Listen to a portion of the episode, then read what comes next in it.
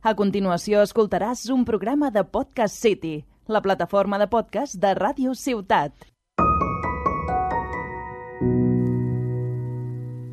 Atureu-vos, insensats, prou blasfèmies i heretgies, miserable criatura, que amb les teves gosadies tocar amb ta baba voldries a la donzella més pura.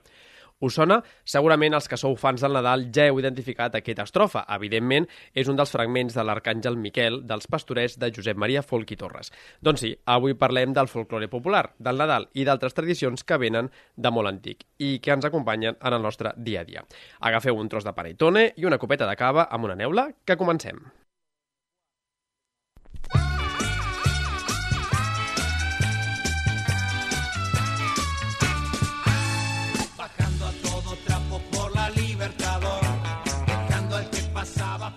El Piscolabis, el podcast que et deixarà amb ganes de més. Bueno, bueno, bueno, nosaltres passem de la por al folklore, perquè som diversos i variats. I Gavino, si em deixes explicar-te una cosa, i estimats oients, una vegada vaig fer una representació dels pastorets i érem tan, tan, tan pocs actors que vaig haver de fer tres papers. Vaig interpretar a l'Arcàngel Miquel, a la Mare de Déu i a Isabeló. I vaig tenir una paga mental. Sort que hi havia algú per fer de Josep. eh, Sí, vull sí, si no hi hagués sigut una mica ja com de doble personalitat. Doncs bé, entrant ja una mica en matèria, avui la Guiomar, que per motius laborals no pot estar en directe, ens parlarà de l'inici del folklore, els relats mítics. La Maria, a la seva secció de dones que fan coses, ens parlarà d'una tocalla seva, però bastant més popular que ella mateixa. Pues sí, bastant més popular. El Gavino seguirà amb el tour museístic de la temporada, però tranquils i tranquil·les que serà menys gore que el del capítol anterior. I per això marxarem a la ciutat més top del Nadal. I la Rosa... Rosa, que ens sents bé? Sí, perfectament. Molt bé, ens farà una reflexió entorn al concepte del folklore i a la seva relació amb les minories ètniques. I no ens oblidem del nostre convidat d'avui, l'Antoni, que ens deleitarà amb el misteri de les figuretes del pessebre. Antoni, que ens escoltes bé? Oh, i tant, perfectament. Per cert, abans de començar, quin és el vostre folklore preferit o moment folclorístic indispensable? Doncs a, a la Canonja tenim la tradició, la vigília de festa major d'estiu, el 15 d'agost, quan s'acaba el ball i el DJ, sempre tota la colla anem a casa d'algú i fem els famosos espaguetis. Els mengem en comunitat i després, sense dormir, empalmem. Anem a matinades, seguici, a l'ofici, a la processó, a la ballada de sardanes i al vermut. I diria eh, que més d'alguns dels que esteu aquí i els que no heu assistit a aquests famosos espaguetis, oi que sí, Gavino? Sí, algun, algun. Eh, de fet, eh, ja que dius això, amb... Sí, Sí? digues, sí, sí, Ah, sí, sí. Em, em sumaré amb tot aquest tema gastronòmic, perquè això dels espagueti m'ha sonat molt bé. I res pot competir amb un bon menjar. I qualsevol excusa tradicional per atipar-se em sembla digna de ser la millor, ja sigui el tortell de reis, els panellets, la cimeneta amb carolins o els plats de tota Europa mentre mires Eurovision. Um, la Guió ens ha comentat que li encanta el menjar. Mm, És a dir, tots els pastissos i plats que es cuinen en un moment determinat de l'any. Li apassiona i li sembla supercuriós. Um, en el meu cas, mm, difícil, difícil, però crec que em quedo amb la tradició vilasacana d'estirar la corda el dia de Reis. Pels que no sigueu de la comarca, us explico. Els nens llancen una corda pel balcó i els reis o patges van repartint els regals casa per casa, lligant-los a la corda i fent que els infants hagin d'estirar-la. Em sembla una part del folklore nadalenc molt emocionant i que realment il·lusiona tota la família. Jo, si em permeteu, escombro cap a casa també, eh? perquè com l'encamisada de falset, no n'hi ha una altra de, de, de festa així. Pels vols de Sant Antoni, al gener, commemorem el que és la victòria contra la guerra del francès en una festa plena de llegenda. Seria, com dir-vos-ho, doncs, com uns tres toms però a la falsetana. Però d'aquestes festes eh, comparteixo amb la Rosa, la nit de Reis. El que a casa nostra ho celebrem de forma especial. És la nit que va néixer el pare. Bé, com el rei emèrit, però no, millor no trenquem la màgia dels reis.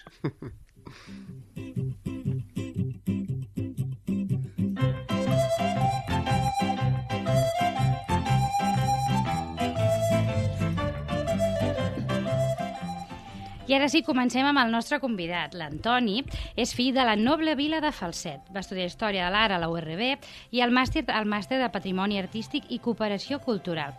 Actualment és professor de secundària a l'Institut Tortosa i el més important de tot és fundador del Cultius Culturals. Antoni, sense tu no hagués estat possible. De sempre, ha estat una persona implicadíssima en el teixit associatiu de Falset i ha dedicat anys i panys al seguici, en concret als gegants. Avui ens parlarà una mica més d'un tipus d'imatgeria popular nadalenca, les figuretes del pessebre. Avanti, Toni.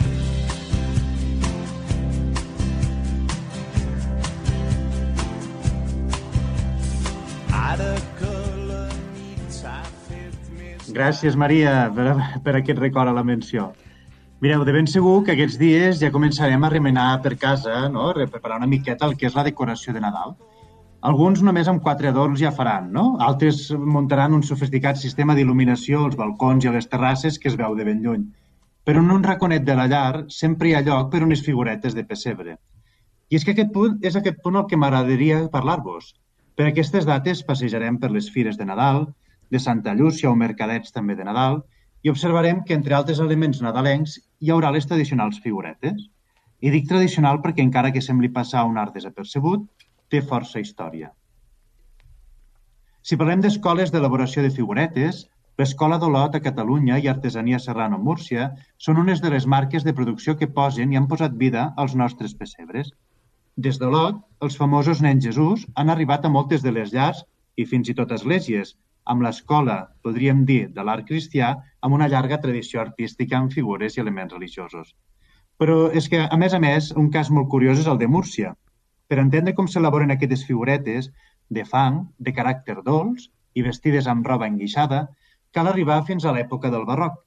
I és que Nicolás Salcillo, d'origen napolità, i pare del gran mestre Salcillo, l'escultor murcià, va portar aquesta tradició i, a més a més, la moda de l'estètica del pessebre napolità, adaptat en aquestes figuretes.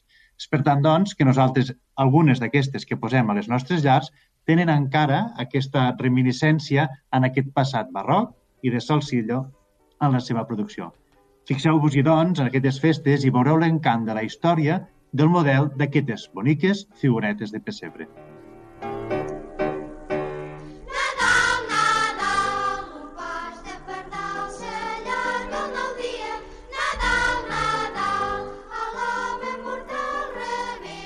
Doncs endavant, Maria, amb la teva secció. Maria, estiguem atents, que avui va de Maries la cosa.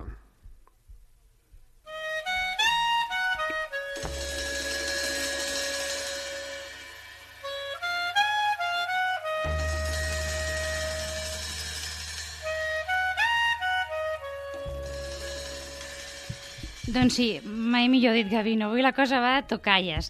Amics i amigues del cultiu, sóc la Maria Pérez i a la secció de dones que fan coses us portaré una de les dones més influents de tots els temps. La dona de la qual s'ha parlat més i menys a la vegada, la que ha estat més representada al món de l'art i si d'una pel·lícula estiguéssim parlant, seria l'actriu secundària més popular.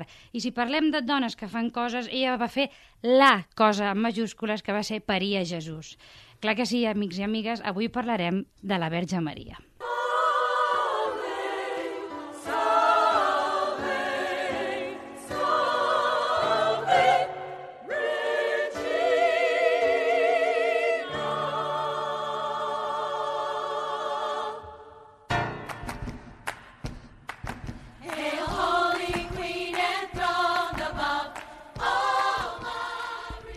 No ens volem centrar en la figura de Maria exclusivament, sinó que volem analitzar com ha estat representada al llarg de la història de l'art, en un context molt concret ara que arriba Nadal, les anunciacions, les nativitats i les epifanies. Però abans de fer una anàlisi iconogràfica, expliquem breument qui va ser Maria de Nazaret. Maria va ser una dona jueva de la regió de Galilea nascuda a la ciutat de Nazaret, originàriament en territori palestí, avui en dia israelià, que va viure a cavall del segle I abans de Crist i el segle I després de Crist. Està considerada, segons la tradició cristiana i també segons la tradició islàmica, com l'esposa de Josep i la mare verge de Jesús. I a més a més, segons la teologia cristiana, va concebre a Jesús a través de l'Esperit Sant. Si parlem de Maria en un context històric, hem de dir que així com Jesús és un personatge històric acceptat per molts historiadors, que no les seves gestes miraculoses, de Maria hi ha no hi ha una opinió ferma sobre la seva existència. Tot i que tres dels quatre evangèlics canònics esmenten Maria, així com el llibre dels fets dels apòstols i també l'Alcorà, no hi ha referències més enllà que puguin verificar al 100% l'existència del nostre personatge. Tot i això, entrem ja una mica en l'anàlisi iconogràfic de la Mare de Déu. Una de les primeres representacions que tenim de la seva persona es troba a les catacumbes de Priscila, del segle III després de Cris a Roma. En aquest cas no la trobem representant una escena de l'Elenca, sinó que la trobem alletant infant Jesús. Per tant, estaríem parlant d'una mare de Déu de la llet. La seva indumentària és molt similar a la de les matrones romanes. Identifiquem l'estola, la túnica i la palla, el vel. Està sentada en un tro, com les representacions paganes de les deeses, romanes, com per exemple la deessa Cibeles. L'any 431, al Concili de Fes, hi ha el reconeixement de la Verge Maria com a Mare de Déu i oficialment se l'anomenarà Teotokos. A partir d'aquí, les representacions de Maria seran el més pur estil d'emperatriu bizantina, cap tapat i capa o mamporion de color porpra. Tots tenim al cap els mosaics aquells representatius de l'emperatriu Treo Teodora, com per exemple el que hi ha a Sant Vitale, a Ràvena. Doncs la Verge Maria serà representada així, com per exemple una icona bizantina anomenada Teotokos del segle VI després de Crist, que es troba al monestir de Santa Catalina, a la muntanya del Sinaí, on apareix representada al centre, sentada en un tro. Aquest tro s'anomenarà Sede Sapientae, tro de saviesa, on el cos de Maria fa de tro i cadira pel seu fill que simbolitza la saviesa divina de la creació. Va vestida amb un mamporion de color porpra, sosté l'infant Jesús i està envoltada de Sant Jordi i de l'emperador Teodor, així com dels àngels. I Gavino, tu que ets el nostre viatger per excel·lència i has viatjat molt per la zona de la qual acabo de parlar, recordes alguna església amb alguna imatge mariana singular? Eh, Doncs mira, ja que després us portaré per Palestina, una que recordo força és la de Maria dormint a l'església de la Dormició de Jerusalem, la qual està on, teòricament, Maria es va a dormir. Bueno, està just al costat, perquè ara hi ha una mesquita que també venera Maria, eh, Exacte. per això que comentaves, Mhm. eh, la qual, eh, llavors, diguéssim que està la Maria al centre de la cripta adormida, és a dir, que més que la qualitat de la imatge així, no? és aquella cosa de que entres en aquella cripta i tens a Maria allà estirada, dormint plàcidament i tranquil·lament, no? I per tant, a més a més, la mística de Jerusalem també hi té alguna cosa a veure. Molt bé, és l'escenografia de tot plegat, no? Pues superinteressant. També us volíem avisar que totes les imatges de les quals parlarem després les penjarem a les xarxes, d'acord? Perquè pugueu estar una mica més al cas, perquè aquí no se'ns escapa absolutament res.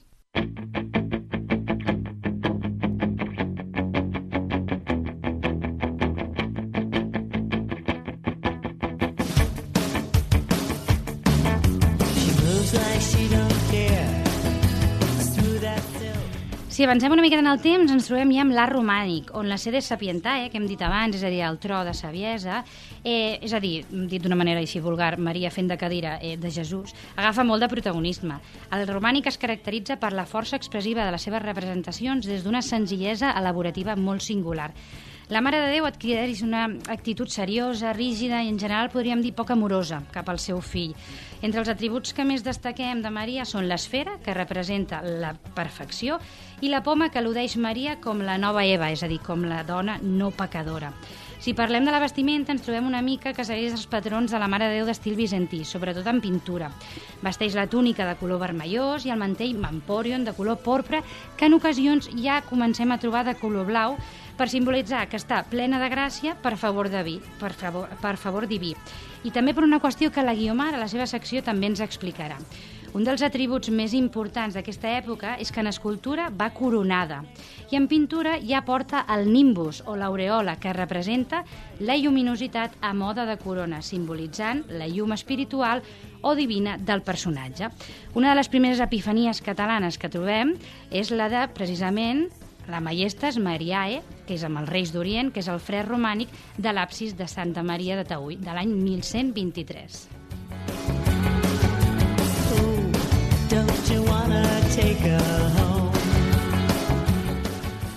Si parlem d'escultura, una de les més curioses és la Mare Déu de Ger. Avui en dia la trobem al Manac. Una talla de fusta policromada on Maria porta mampòrium, però de color vermell, i se li veu una mica el cabell castany, aspecte que ens fa passar directament al gòtic. A partir del segle XIII, Maria representa ja sí com una mare somrient i feliç, de caràcter molt més amorós que no pas el romànic. Els seus atributs són les flors, les fruites, els clavells, també en un, una mica en representació del sacrifici que farà el seu fill per salvar la humanitat.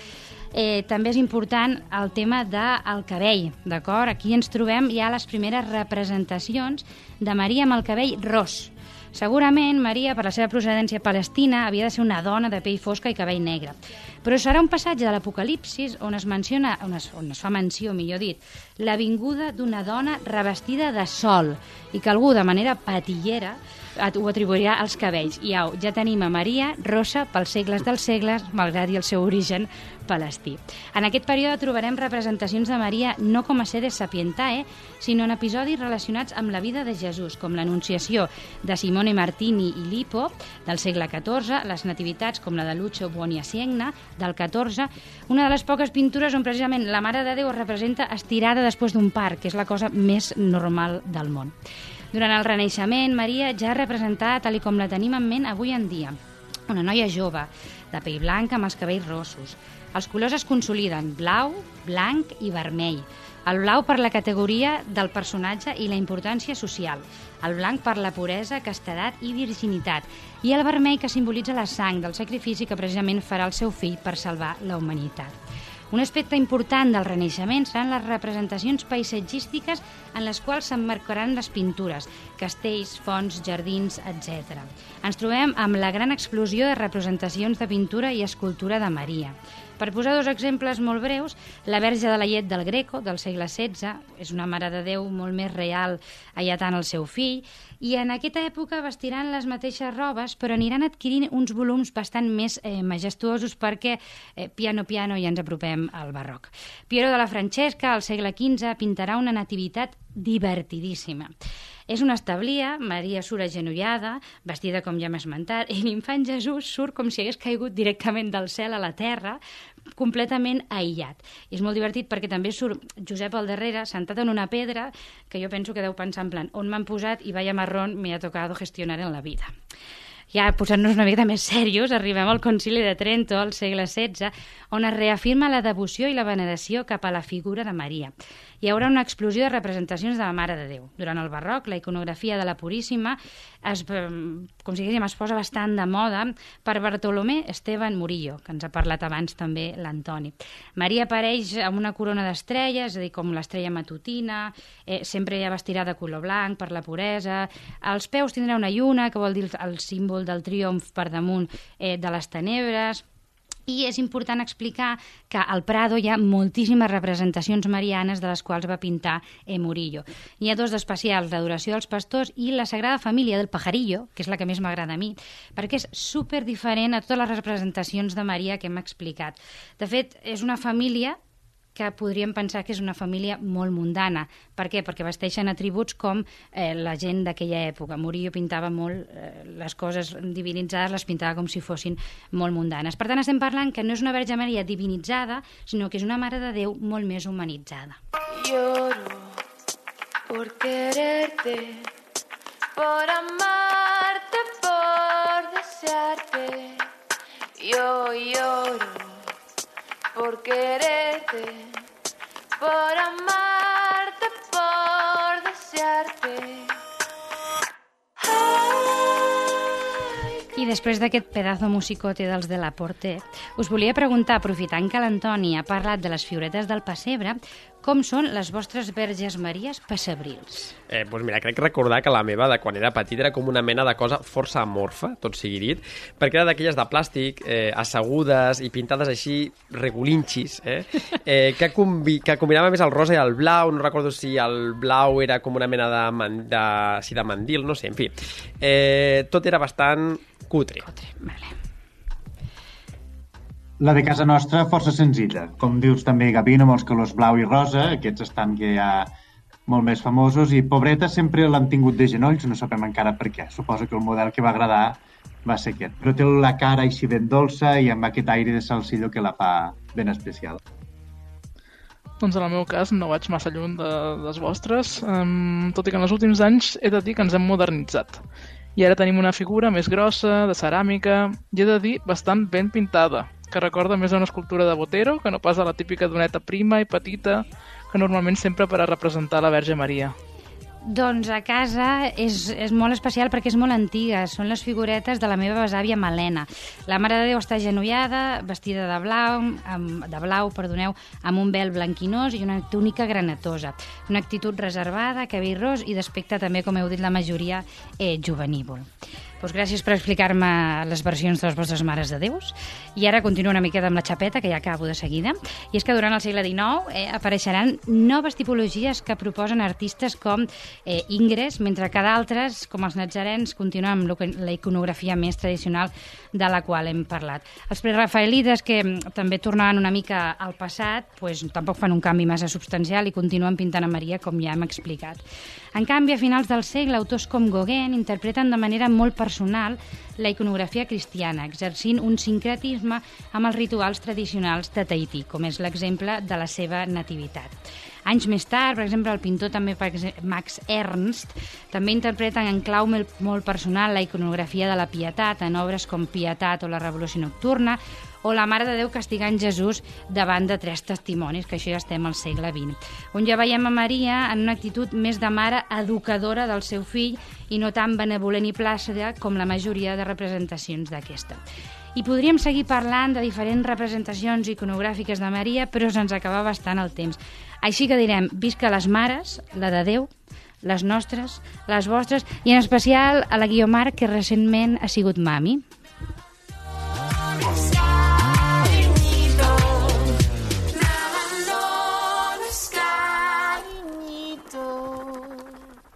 I ara, des dels estudis de Ràdio Ciutat de Tarragona, arriba el moment de la nostra connexió internacional amb Rosa, des de Berlín. Sí. Som-hi.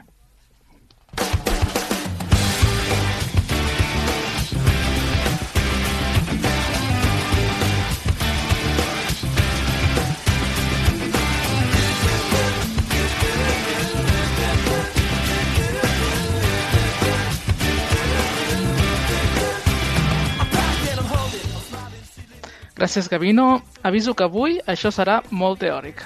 No us avorriu. Um, quan parlem de folklore, ens referim a tot allò que sorgeix de la interacció entre individus dins un grup, el folk. El que podríem anomenar un cos de coneixement, l'ore, que és comú independentment de la resta de factors que puguin caracteritzar una persona. Així, el folklore es genera i es representa en grup. Soc la Rosa Torredemé i en aquesta secció reflexionaré sobre el concepte de folklore i la seva relació amb com es perceben les minories ètniques. Per estudiar el folklore d'un determinat grup humà, un folclorista podria començar fent preguntes com ara quines històries expliquen els membres d'aquest grup, quins proverbis, endevinalles o rimes fan servir, com celebren les festes, els naixements, els matrimonis... Mentre explora aquestes qüestions, també buscaria respostes a un conjunt de preguntes més difícils. Què revelen aquestes tradicions sobre el grup? Quina visió del món es reflecteix en el folklore d'aquest grup? Què fan aquestes tradicions per a les persones que les mantenen?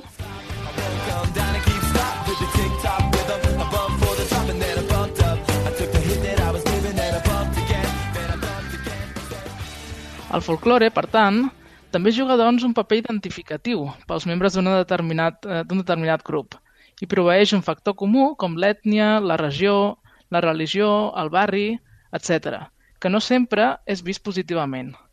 Una persona pot sentir-se orgullosa d'identificar-se amb un grup determinat, però tanmateix pot ser que aquest grup només jugui un paper molt petit a l'hora de definir les seves xarxes socials o la seva visió cultural. Es tracta d'una persona a la qual li agrada identificar-se, com per exemple nat natiu nord-americà, i no obstant això pot casar-se fora del grup ètnic i formar amistats també diguem de fora.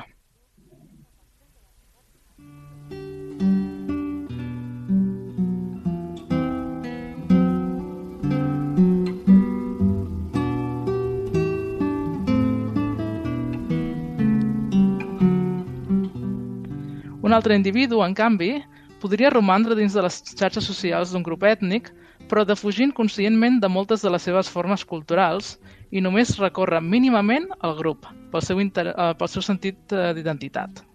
Aquest rebuig parcial del grup i la seva cultura és una reacció comuna, però no l'única possible, d'individus que es veuen atrapats per circumstàncies, com llaços familiars, mitjans limitats o color de pell. Dins d'un grup que consideren que els ofereix un estatus baix, a causa dels estereotips negatius associats amb ell. Exemples d'això en tenim moltíssims, també a casa nostra. En èpoques en què no s'ensenyava el català, ja que era vist com una llengua vulgar pròpia dels camperols, o el cas dels francòfons cajuns, a l'estat de Louisiana, que eren pressionats perquè s'avergonyissin de la seva cultura. La història de la migració il·lustra molt bé aquestes complexitats del canvi cultural com a procés dinàmic. George Reinecke descriu com tots els grups que arriben a un determinat lloc van interactuant amb la cultura dominant establerta. Alguns s'absorbeixen més fàcilment que d'altres, però cada grup arriba amb unes característiques úniques i contribueix a canviar el passatge cultural del lloc o país receptor. Des de fora, a vegades, es pot pensar que un determinat grup ètnic és bastant homogeni, però els membres d'aquest grup reconeixen les diferències en funció de la classe, la regió, la residència urbana versus rural o la generació. Aquí podem il·lustrar aquesta situació amb les diferents generacions de migrants amb un origen comú. Els vells immigrants veuen les noves generacions d'immigrants com quelcom diferent d'ells i amb altres trets culturals. En tenim exemples amb els anomenats eh, Gastarbeiter, d'origen turc, a Alemanya, i els joves turcs que arriben al país avui en dia. Difereixen, sobretot, en la religiositat i la postura política. O entre els xicanos de Texas i els nous mexicans que migren als Estats Units. Però, quin paper juga el folklore en la percepció que es té de les minories ètniques o culturals? Abans de començar a parlar de l'anomenat folklore ètnic, però, cal que fem algunes distincions. En primer lloc, és útil distingir entre el folklore que només s'utilitza dins del grup, com a part de la vida familiar i religiosa, i el que també s'utilitza en persones de fora, en festivals o en altres esdeveniments que serveixen com a presentacions públiques o celebracions de la identitat ètnica.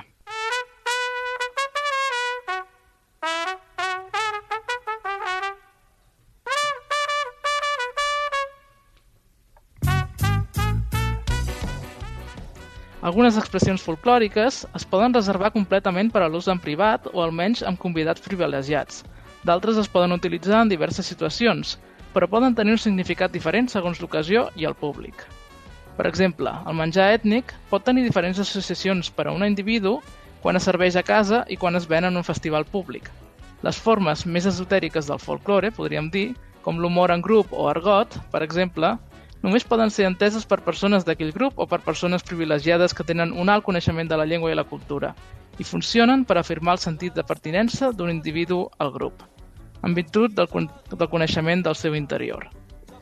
Dit això, s'entén que la carta de presentació d'una minoria ètnica sigui majoritàriament amb aquest folklore que podríem dir públic, i que sovint també es limiti a aquest àmbit, fent que, per exemple, la cultura de la minoria ètnica sigui visiblement visible únicament en dies determinats de l'any, en què hi ha celebracions públiques o dies especials per celebrar la multiculturalitat a les escoles o des de l'àmbit de les institucions públiques locals.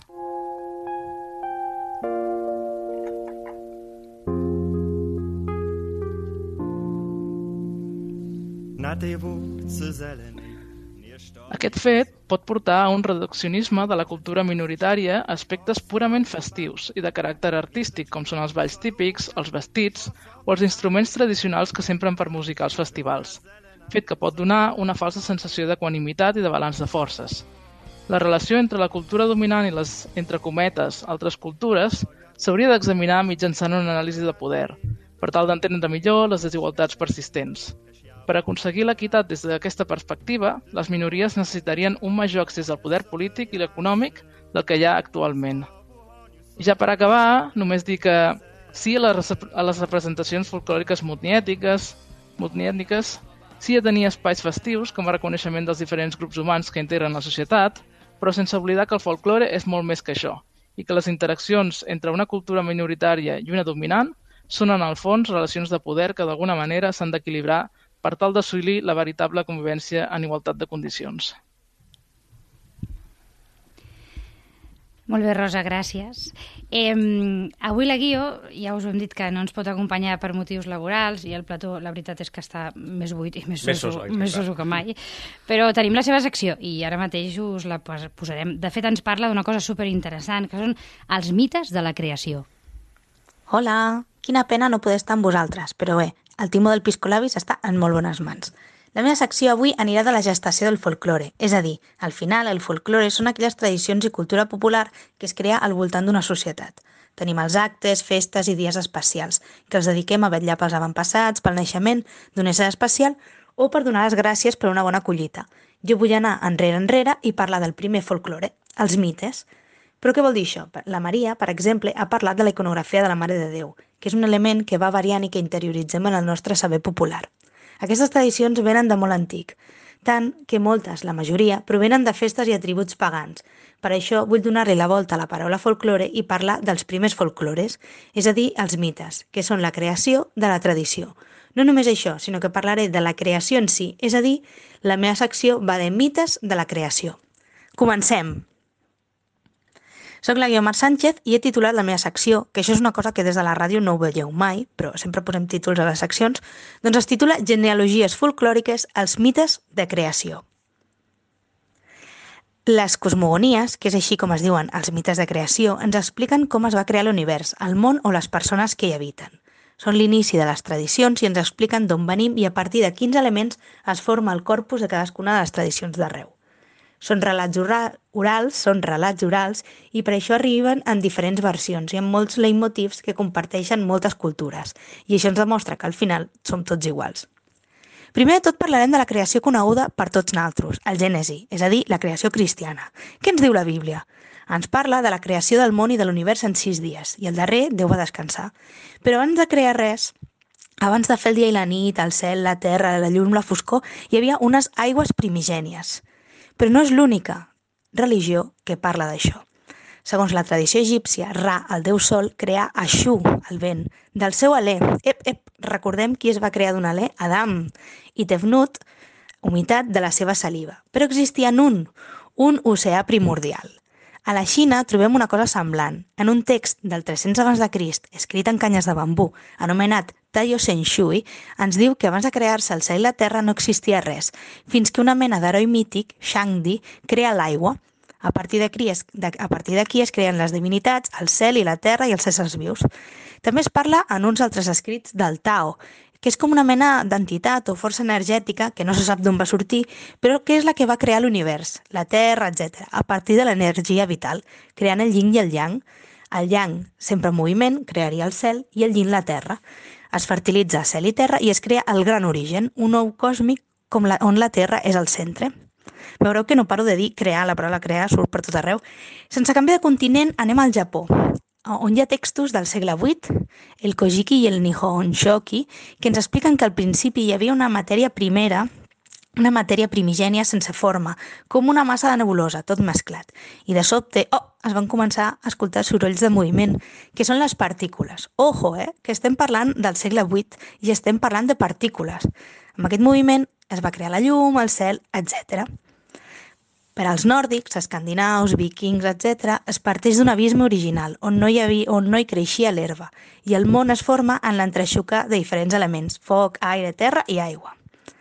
Per la seva banda, la cultura maia eh, ho trobem explicat al Popol Vuh, compendi de narracions maies traduïdes al llatí cap al 1550, on s'explica la història de dos déus bessons que viuen aventures, i com després creen els homes, primer de fang, després de fusta i finalment de carn.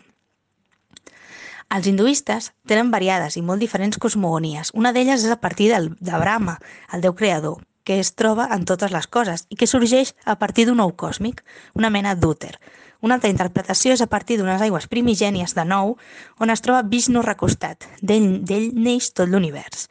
I ha la més antiga, que la trobem als escrits del tercer mil·lenni abans de Crist, on s'explica que un gegantí déu desmembrat, Purusha.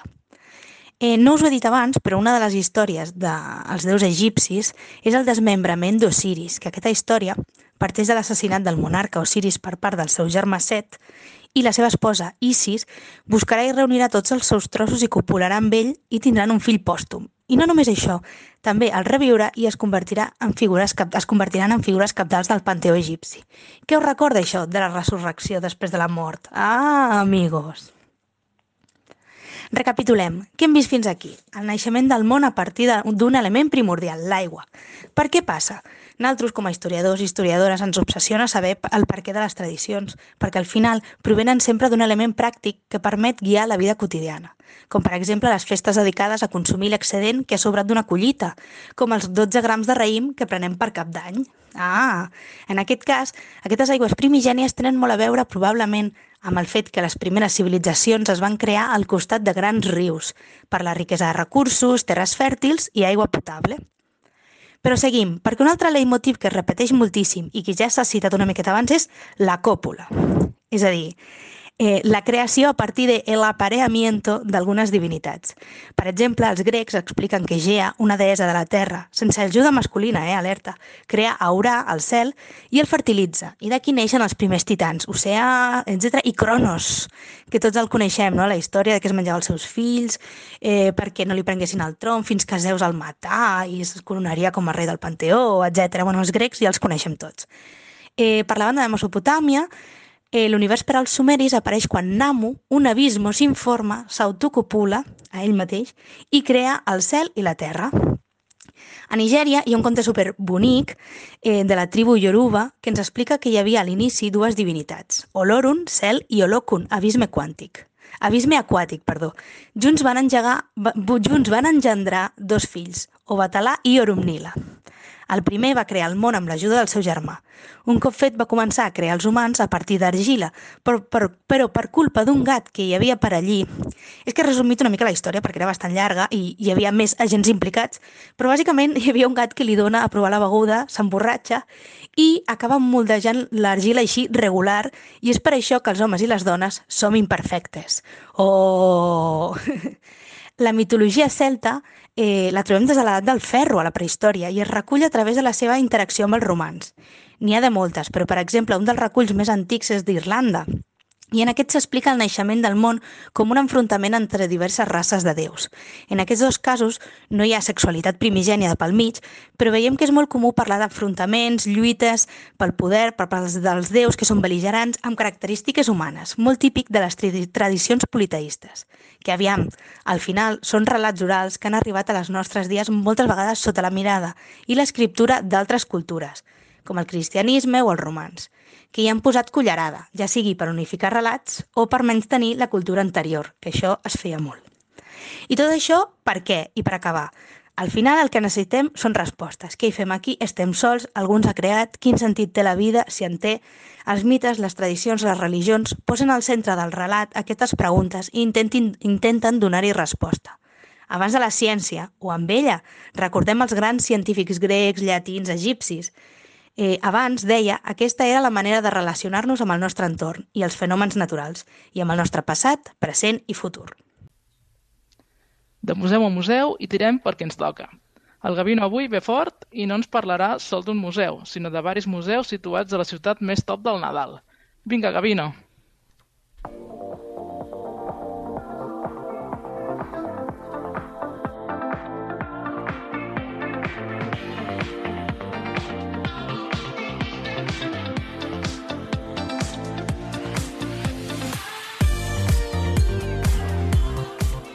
Efectivament, avui anirem a la ciutat on teòricament es va produir el part més famós dels últims 2.000 anys, tal i com ens ha explicat la Maria, parlant de Maria. Marxem a una establia on va néixer un tal Jesús un 25 de desembre, és a dir, marxem a Betlem, una ciutat que la tradició fa que la reproduïm als nostres menjadors, tal com ens ha explicat el Toni, cada Nadal. Una ciutat que avui està, segons la legalitat internacional, sota l'autoritat palestina. La realitat, com ara veurem a través d'alguns dels seus museus, però és força més complexa.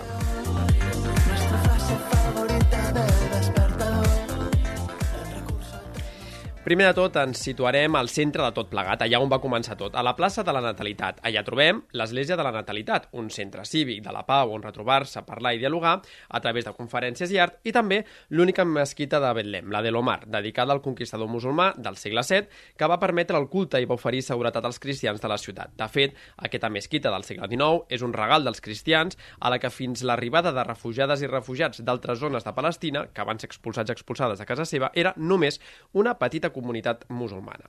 D'aquests tres edificis, el més icònic és l'Església de la Natalitat, construïda al segle IV i on cal dir que és perquè allà diuen que va néixer Jesús. I és clar, la cripta de la mateixa no és altra cosa que la cova on teòricament va tenir lloc el part, així com les visites de pastorets i reis mags que van prosseguir. Aquest edifici, juntament amb el carrer de l'Estrella, el camí que teòricament va fer Maria i Josep, són patrimoni mundial des del 2012, uns carrers, per cert, plens dels tradicionals parades d'escultors d'Olivera. Aquí deixeu-me fer un incís, perquè l'única vegada que vaig anar a Palestina ens vam allotjar a Betlem, a pesar d'intents de les autoritats israelianes que no venen al cas, i molts vespres, després de visitar altres zones de Cisjordània, acabàvem la jornada a l'establia, perquè realment és un lloc molt interessant, també per un ateu com jo, ja que per allà passaven cristians de mil confessions diferents, armenis, ortodoxos, etíops, catòlics, però també musulmanes i musulmans, ja que Jesús, com ens ha explicat la Maria, doncs també era un profeta per ells. I a més, sempre estava en silenci, amb incens, selfies, en fi, bueno, que m'estic enrotllant. La qüestió és que un dels dies que estàvem allà baix ens vam trobar Maria, escolta'm, que tu Sí, sí, sí, que sí. està a Plató, eh? Ens vam trobar el que aleshores era el bisbe, el bisbe de Solsona. Bueno, bueno, bueno, bueno. I que recentment s'ha casat. Tot i que aleshores, bueno, ja era famós per altres coses. Exacte, per, per això el vaig reconèixer. Correcte, ja... correcte. I, si em deixes apuntar, com diu la dita, els camins del Senyor són inescrutables. I si no, que li diguin a ell.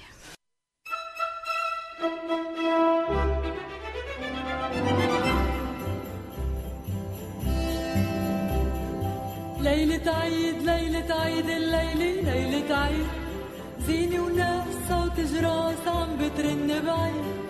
ليلة عيد ليلة عيد الليلة ليلة عيد صوت ولادة ثياب جداد وبكرة الحب جديد. He posat a la Fairús cantant Nadal a Zanara per matar ràpidament el tema del bisbe, que es casa amb escriptores satàniques, i tornar a la ciutat on podeu trobar esglésies de diferents confessions dedicades, per exemple, a la llet de la Mare de Déu, i parlant de llet no faré acudit fàcil amb la nova feina del bisbe emèrit de Solsona. Per cert, una església tota blanca, esculpida directament sobre una roca, que diu la tradició que és blanca, perquè ja li van caure unes gotes de llet a Maria, i la roca vermella es va, es va convertir en blanca. Maria, hem de continuar, eh? Perdó, perdó. Apareixent alhora una altra tradició, la de demanar quedar-se uh, quedar embarassats doncs, en aquella església. També poden trobar esglésies en plural, de l'anunciació dels pastorets a brigadets a brigadets, de la qual, per cert, com a mínim, vam trobar dues, i a certa distància. Una era ortodoxa grega i l'altra ortodoxa russa. Desconec quin està el lloc correcte. La ciutat, doncs, és evident que està molt lligada a la religió cristiana. Però, Gavino, un moment, i ja deixant totalment de banda el bisbe, perquè la música de Nadal, el 25 de desembre i tot plegat està molt bé, però com ens dirà, eh, o ja ens ha dit, millor dit, eh, la Guio, acaba de parlar de mites. Eh, I podríem parlar de les festes de la Saturnàlia dels romans, perquè el que van fer els cristians va ser, literalment, aprofitar que la gent ja feia festa el 25 de desembre per posar la data del naixement de Jesús i així, doncs, pues, tots contents, no? I tens tota la raó, Maria, i per això un dia potser podríem parlar d'un capítol sobre reciclatge religiós. Però oh. Betlem és més que això, pel, fet pel qual passo a parlar d'un altre museu, en aquest cas un museu a l'aire lliure, un museu ple de murals d'obres de primer nivell, que estan sobre el mur de la Vergonya, aquell que Israel eh, va construir dividint tot el territori que teòricament recau sobre l'autoritat palestina. Així, després de parlar de tradicions nadalenques, anem a parlar de com la tradició de pintar sobre els murs ha esdevingut un museu d'art contemporani i de reivindicació política. تتذكري لما قلتي لي إنك رح تتزوجيني بلا فلوس وبلا بيت؟ تتذكري كنت تحبيني مع إني مش داخل دينك تذكري كيف كنا هيك؟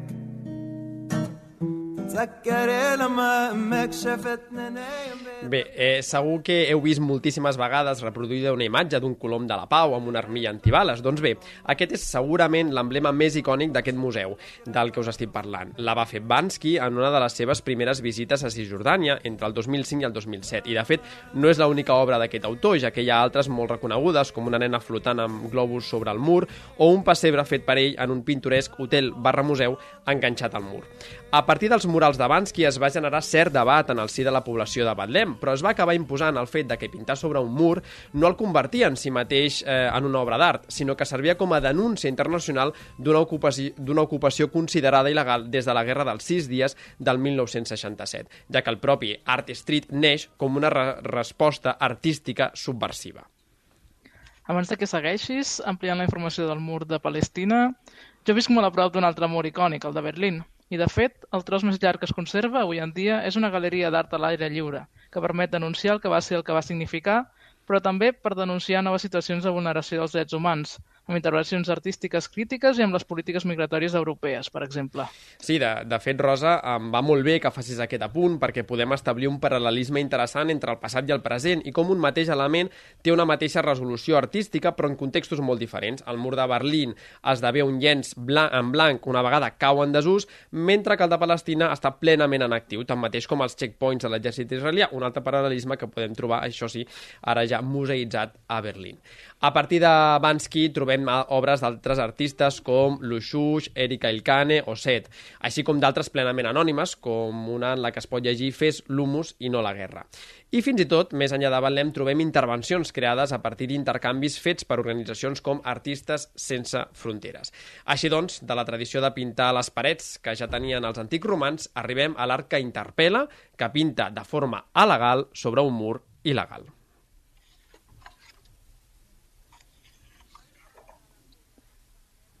I fins aquí el podcast del mes de desembre del, del Piscolabis dedicat al folklore, i en el qual hem parlat de les figures del pessebre, de la iconografia de la Mare de Déu, del concepte del folklore i les minories ètniques, dels mites de la creació i del Museu de, de Betlem.